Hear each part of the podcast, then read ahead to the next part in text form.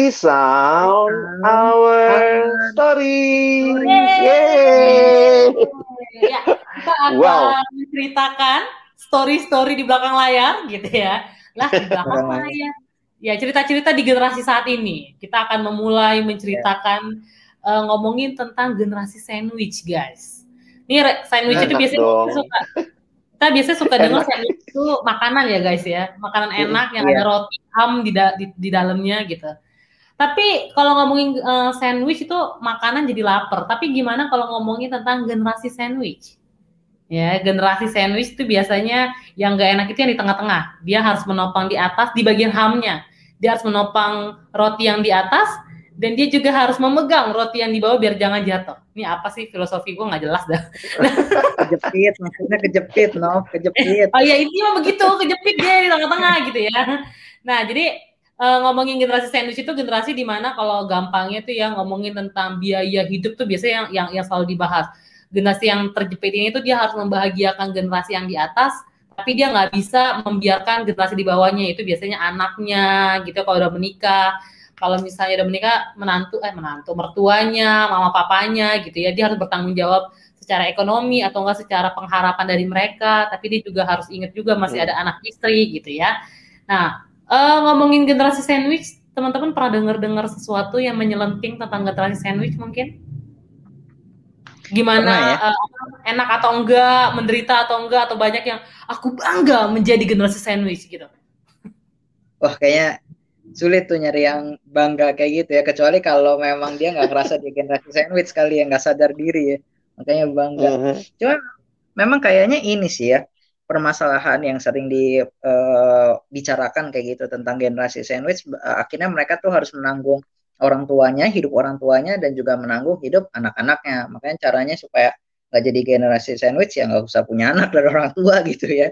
Makanya jadinya nggak jadi generasi sandwich bukan bukan seperti itu, nggak mungkin. Nah, gue jadi ngelihat ini sih yang dipermasalahkan eh, sedangkan gue satu sisi punya punya pengeluaran kayak gitu. Gue harus memperhatikan caring. Jadi kayaknya tuh generasi ini sangat depresi banget gitu.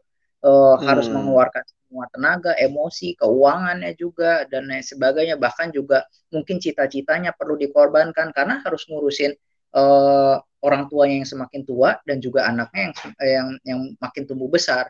Nah kadang-kadang akhirnya malah malah mikirnya ya udahlah kayak gitu.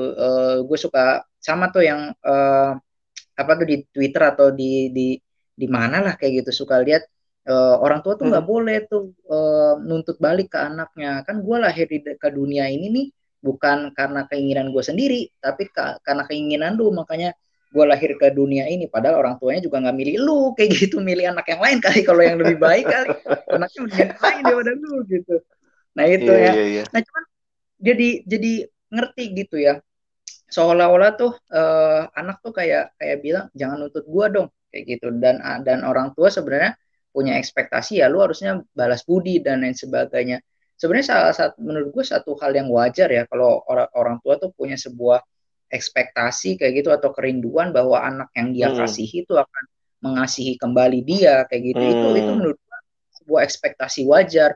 Gue jadi ngelihat kayak yang sering terjadi itu eh, komen-komennya ataupun juga celetukan-celetukannya gitu kok seolah-olah dijadikan itu sebagai sebuah kewajiban gitu. Orang tua Hmm. kayak buat itu jadi sebuah kewajiban anak ngelihatnya walaupun orang tuanya nggak nuntut gitu ya dan orang tuanya punya harapan doang nih jadi orang tuanya baik-baik aja anak ngelihatnya itu jadi sebuah kok gue jadi wajib sih? Kok lu nuntut sih? Nah itu tuh kayak gitu. Padahal itu bukan bukan eh, kewajiban yang uta, yang apa bilang ya dasarnya tuh kalau dilakukan kewajiban ya yang nggak ada. Kita punya banyak pembelaan lah kayak gitu. Kenapa? Akhirnya itu bukan jadi kewajiban dan lain sebagainya. Beda kalau dasarnya kasih. Nah itu yang gue gua Hmm. perhatikan sih gue lihat ya. Eh, apa sih namanya konflik-konflik yang terjadi seperti itu. Nah itu salah satunya Nop kalau tentang bicara generasi sandwich ya mereka Hmm. harus eh, apa tuh namanya mimpi-mimpinya ditunda kayak gitu. Gue kadang-kadang mikir gitu ada orang-orang yang yang taruhlah nih ya ada satu keluarga gitu orang tuanya sakit-sakitan. Dia juga baru kerja harusnya mau nggak mau ngurusin orang tuanya dan lain sebagainya. Gue gue pernah tuh juga nih ya di dalam sama kayak gitu di internet juga di Instagram gue lihat uh, ada satu orang barat sih kayak gitu. Uh, si presenternya hmm. nanya nanya ke orang tersebut nih cowok apakah kamu udah menikah? Dia jawab belum padahal dia umurnya udah udah 40-an tahun kayak gitu. Kenapa? Hmm. kayak gitu. Karena aku ngurusin orang tuaku yang masih sakit ibuku yang masih sakit. Dan orang orang yang denger itu ya itu pada tepuk tangan tuh di studio. Nah itu jadi hmm. suatu hal yang itu pengorbanan loh yang kayak gitu-gitu loh. Akhirnya dia mau nggak mau kan menunda tuh menunda mimpi-mimpinya menunda mungkin dia uh, ingin berkeluarga sendiri kayak gitu dan lain sebagainya. Tapi um, dia memilih untuk mengorbankan hal itu demi orang tuanya apakah orang-orang yang seperti itu disebut, disebut sebagai orang-orang yang sial generasi-generasi yang seperti itu orang-orang yang punya pengalaman seperti itu disebut orang-orang yang sial dan yang nggak berbahaya karena eh nggak nggak nggak berbahagia karena mereka gagal mengejar mimpi-mimpinya Nah itu sih pertanyaan hmm. gue tuh, gitu-gitu tuh. Gimana nah, tuh jadinya? Gue pernah nih kan, kalau Ernest kan bagian pandangannya yang kayak uh, ibarat kata holy gitu ya. Nih gue mau kasih oh. pandangan gue yang tidak holy-nya gitu. gue kayak bagiannya yang gak bagus-bagus gitu ya. Nah, Emang uh, mungkin nanti nih abis itu nanti Bang Alex yang memberikan pandangan. Seharusnya bagaimana untuk menengahi pandangan kami berdua gitu ya. Iya, iya kalau saya Ernest kan pandangannya kayak lo harus merelakan apa yang menjadi mimpi lo gitu ya untuk kepentingan bersama atau enggak untuk kepentingan orang tua. Pokoknya intinya seperti itu gitu. Tapi jangan jangan salah gue juga banyak melihat tentang uh, seharusnya tuh orang tua gitu ya yang gue lihat nih ini tapi bukan berarti gue begitu ya guys ya. Ini hanya pandangan aku yang lain gitu. Nah uh, apa namanya ada orang-orang yang berpikir gini seharusnya orang tua itu mempersiapkan dong hari tuanya gitu. Supaya jangan mengharapkan dari kita generasi uh, generasi kita gitu ya. Maksudnya ya lo harusnya berhikmat dong um, cara mengelola keuangan atau enggak lo harusnya juga mempersiapkan hari tua lo seperti apa. Jangan terlalu berharap sama kita apalagi tengah-tengah kondisi saat ini gitu ya. Mungkin yang kayak pandemik. Sebenarnya kan uh, jadi generasi sandwich itu sulit banget gitu apa namanya biaya sekolah anak tuh tinggi banget dan biaya kesehatan orang tua tuh juga nggak murah gitu. Terus uh, biaya hidup orang tua juga nggak murah, sedangkan pendapatan kita juga nggak terlalu besar gitu. Kalau misalnya kesannya kayak gue memilih untuk tidak mau jadi generasi sandwich kan kesannya kayak lu jadi pandangan orang jadi anak durhaka gitu. Tapi sebenarnya orang kan nggak tahu ya bagaimana kehidupan kehidupan kita pribadi. Nah, sebenarnya kan agak sulit kalau dibilangin memilih untuk tidak menjadi generasi sandwich kan jadi kesannya kayak apa namanya berdosa banget gitu. Tapi kan sebenarnya tahu kehidupan kita kan adalah diri kita sendiri kemampuan kita. Nah dengan dua pandangan gitu sendiri bang gimana bang melihatnya kayak tadi kan Ernest kan bilang ya udah merelakan apa yang menjadi uh, apa namanya impian kita. Oke kalau impian mungkin bolehlah eh, nggak uh, liburan sepanjang tahun dan ngebantu orang tua. Tapi kan ada satu momen atau ada satu titik di mana kita juga nggak sanggup untuk menjadi generasi yang menanggung dua generasi dalam hidup kita tuh bang.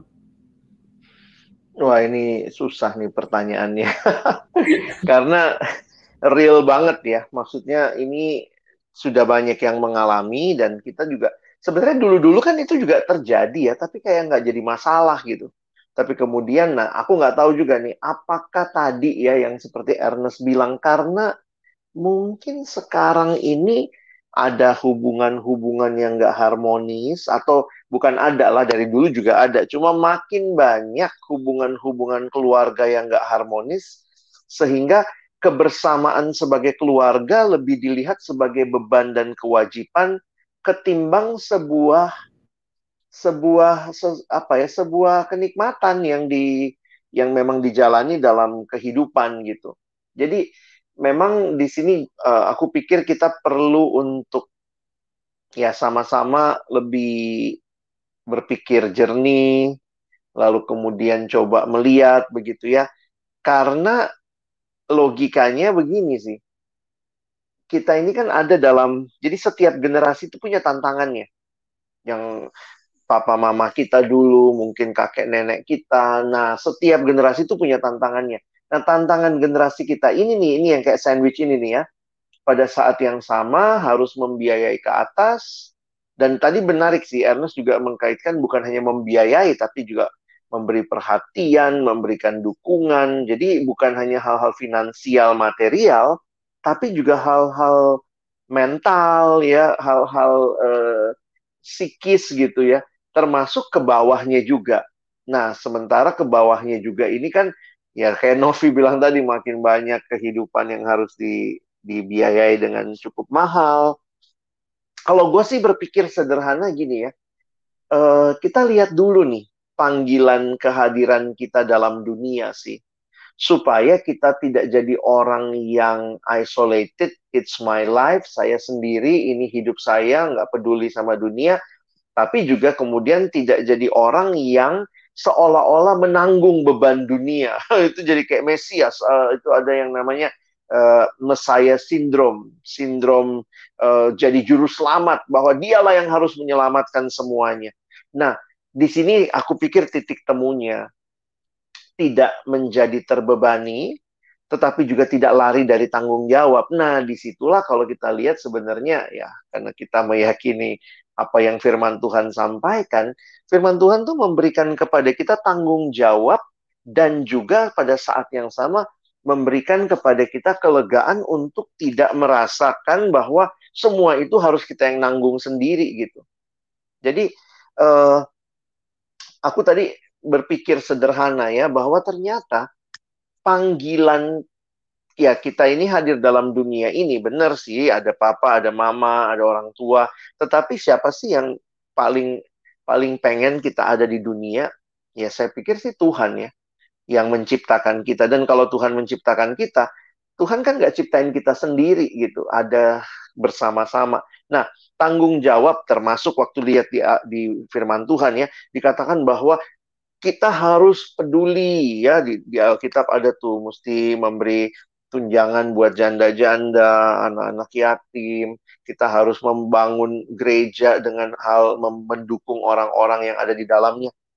Kalau untuk orang yang bukan keluarga aja, dalam arti jemaat, kita diminta punya beban dan tanggung jawab sedalam itu, masa sih kita lepas tangan untuk kehidupan keluarga kita?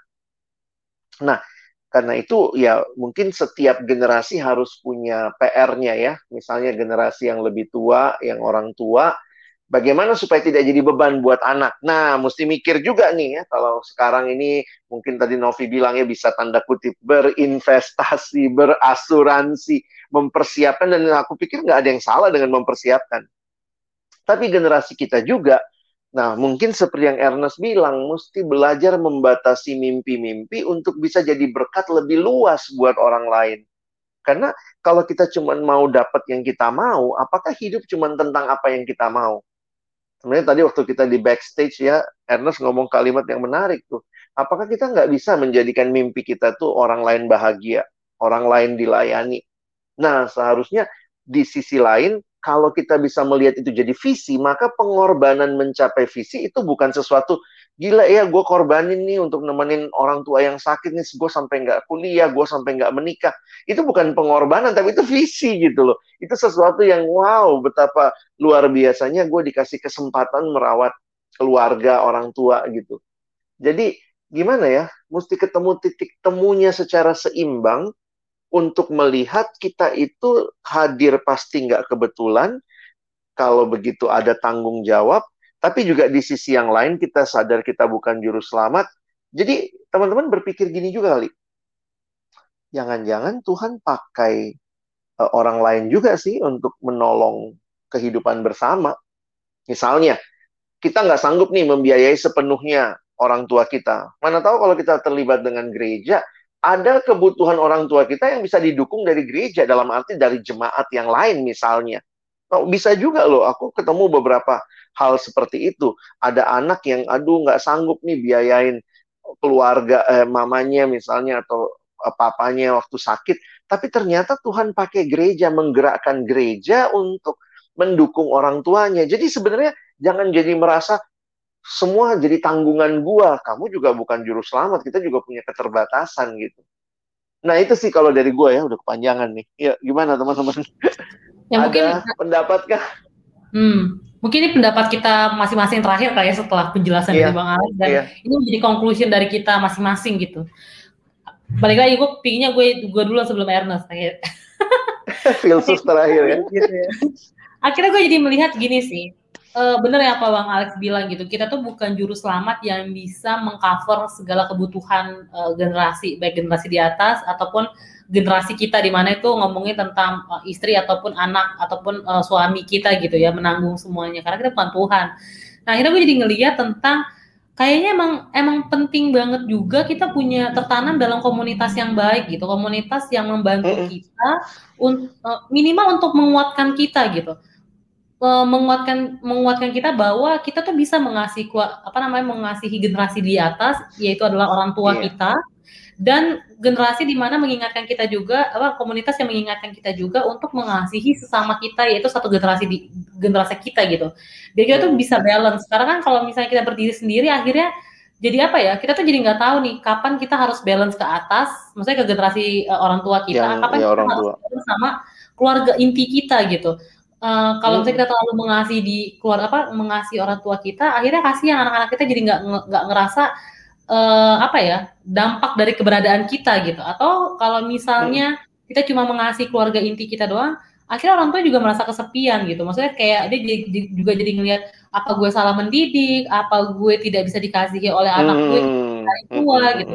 Tapi ketika kita ada di komunitas, kalau tadi Bang Alex bilang gereja, baik itu gereja ataupun persekutuan hmm. yang membangun itu akhirnya membuat kita jadi balance gitu. Maksudnya ketika kita lelah pasti kan akan ada satu titik di mana kita lelah ya untuk mengasihi iya. dua-duanya langsung. Nah akhirnya ada komunitas atau enggak ada persekutuan yang bisa membuat kita dikuatkan gitu. Akhirnya kita juga mempunyai uh, apa deh namanya nih uh, sumber sumber dari kasih itu sendiri gitu. Maksudnya karena kan kita lelah ya loh ketika kita mengasih memberi terus gitu. Kan kita juga butuh dikasihi gitu kan. Nah, akhirnya ketika ada komunitas yang membantu kita untuk melihat, untuk mendoakan, mm. untuk mm. apa namanya e, menyemangati kita, akhirnya kita bisa sanggup sih menurut gua dengan dua-duanya. Jadi e, mungkin mm. dunia karena tadi gua memberikan pandangan dunia ya. Kalau misalnya dunia mengatakan iya, iya. bahwa asik gue pandangan dunia. Kalau dunia mengatakan bahwa e, kenapa gue harus bertanggung jawab sama generasi di atas ini bukan ngomongin tentang bertanggung jawab atau tidak, tapi ini lagi-lagi ngeliatin tentang yang tadi Bang Alex bilang, setiap kita masuk ke dalam dunia ini tuh punya tujuan masing-masing. Hati-hati kalau kita terjebak dengan pandangan dunia. Hmm. Karena Tuhan bilang, lu pilih mana, pandangan dunia atau Tuhan gitu. Karena lu nggak bisa berdiri di dua-duanya. Kalau lu mau pakai pandangan hmm. dunia, ya gunakan itu untuk semuanya gitu. Jangan dikit-dikit nanti pandangan dunia, eh pandangan Tuhan juga lu masukin gitu. Giliran yang enak, enaknya dunia lu ikuti pandangannya dunia gitu. Tapi giliran yeah, enaknya yeah. pandangan Alkitab itu menurut gua kurang tepat. Jadi ya itu hmm. jangan lupa tentang persekutuan tentang komunitas dan yang kedua adalah lihat sih tujuan Tuhan masukin kita ke dunia ini apa hmm. dan pakailah itu gitu untuk uh, bertahan di dalam dunia ini yang yang fana sih kalau menurut gue gitu. Cakep. Alhamdulillah ya akhirnya di akhir itu tuh agak bagus gitu. Silakan. Silakan Ernest. Akhirnya Novi nggak nggak duniawi banget ya. Iya, akhirnya di akhir-akhir dia melihat sadar Roh Kudus bekerja. ya, amin. Kalau gue Gimana? sih ya, uh, uh, eh, gue uh, sadarnya gini ya, uh, uh, we all do bad things gitu ya. Tapi pertanyaannya tuh how can we act graciously toward them kayak gitu. Bukan hanya bukan hanya pada orang-orang yang bersalah kayak gitu termasuk pada orang-orang tua kita yang mungkin uh, salah gitu mungkin orang tua kita nggak menyiapkan dana pensiun dan lain sebagainya kenapa mereka lalai dan lain sebagainya pertanyaannya adalah bagaimana kita bisa uh, act graciously kayak gitu kepada mereka hmm. yang yang ramai dan dan dan sebagainya. Gue tuh uh, uh, teringat gitu ya ada salah satu jadi ini kayak kisah hidup juga ya bukan gue sih jadi teman kantor kita bang hmm. kayak gitu. Hmm. Dia sebelum kerja di kantor kita uh, gajinya jauh lebih besar gitu daripada kantor kita. Nah, cuman mm. uh, dia, dia bilang kayak gitu waktu itu sharing ke gua lah, pokoknya lagi ngobrol-ngobrol biasa gitu dia dia sharing. Mm dia bilang sebenarnya gue bersyukur gitu bisa bisa kerja di sini uh, walaupun gajinya lebih kecil gitu tapi bisa mengkuliahkan uh, adik gue sampai lulus. Hmm. Nah gue tanya kayak gitu ke ke dia kayak gitulah emang gaji sebelumnya ke mana aja gitu ya nggak tahu pokoknya ada aja keluarnya nas kayak gitu entah gue sakit lah entah gue beli ini lah entah ada keperluan apalah dan lain sebagainya entah nggak tahu gimana aja itu bisa keluar dan akhirnya itu jadi hmm. kayak ngerasa hilang gitu. Jadi gaji tuh masuk habis itu keluar lagi.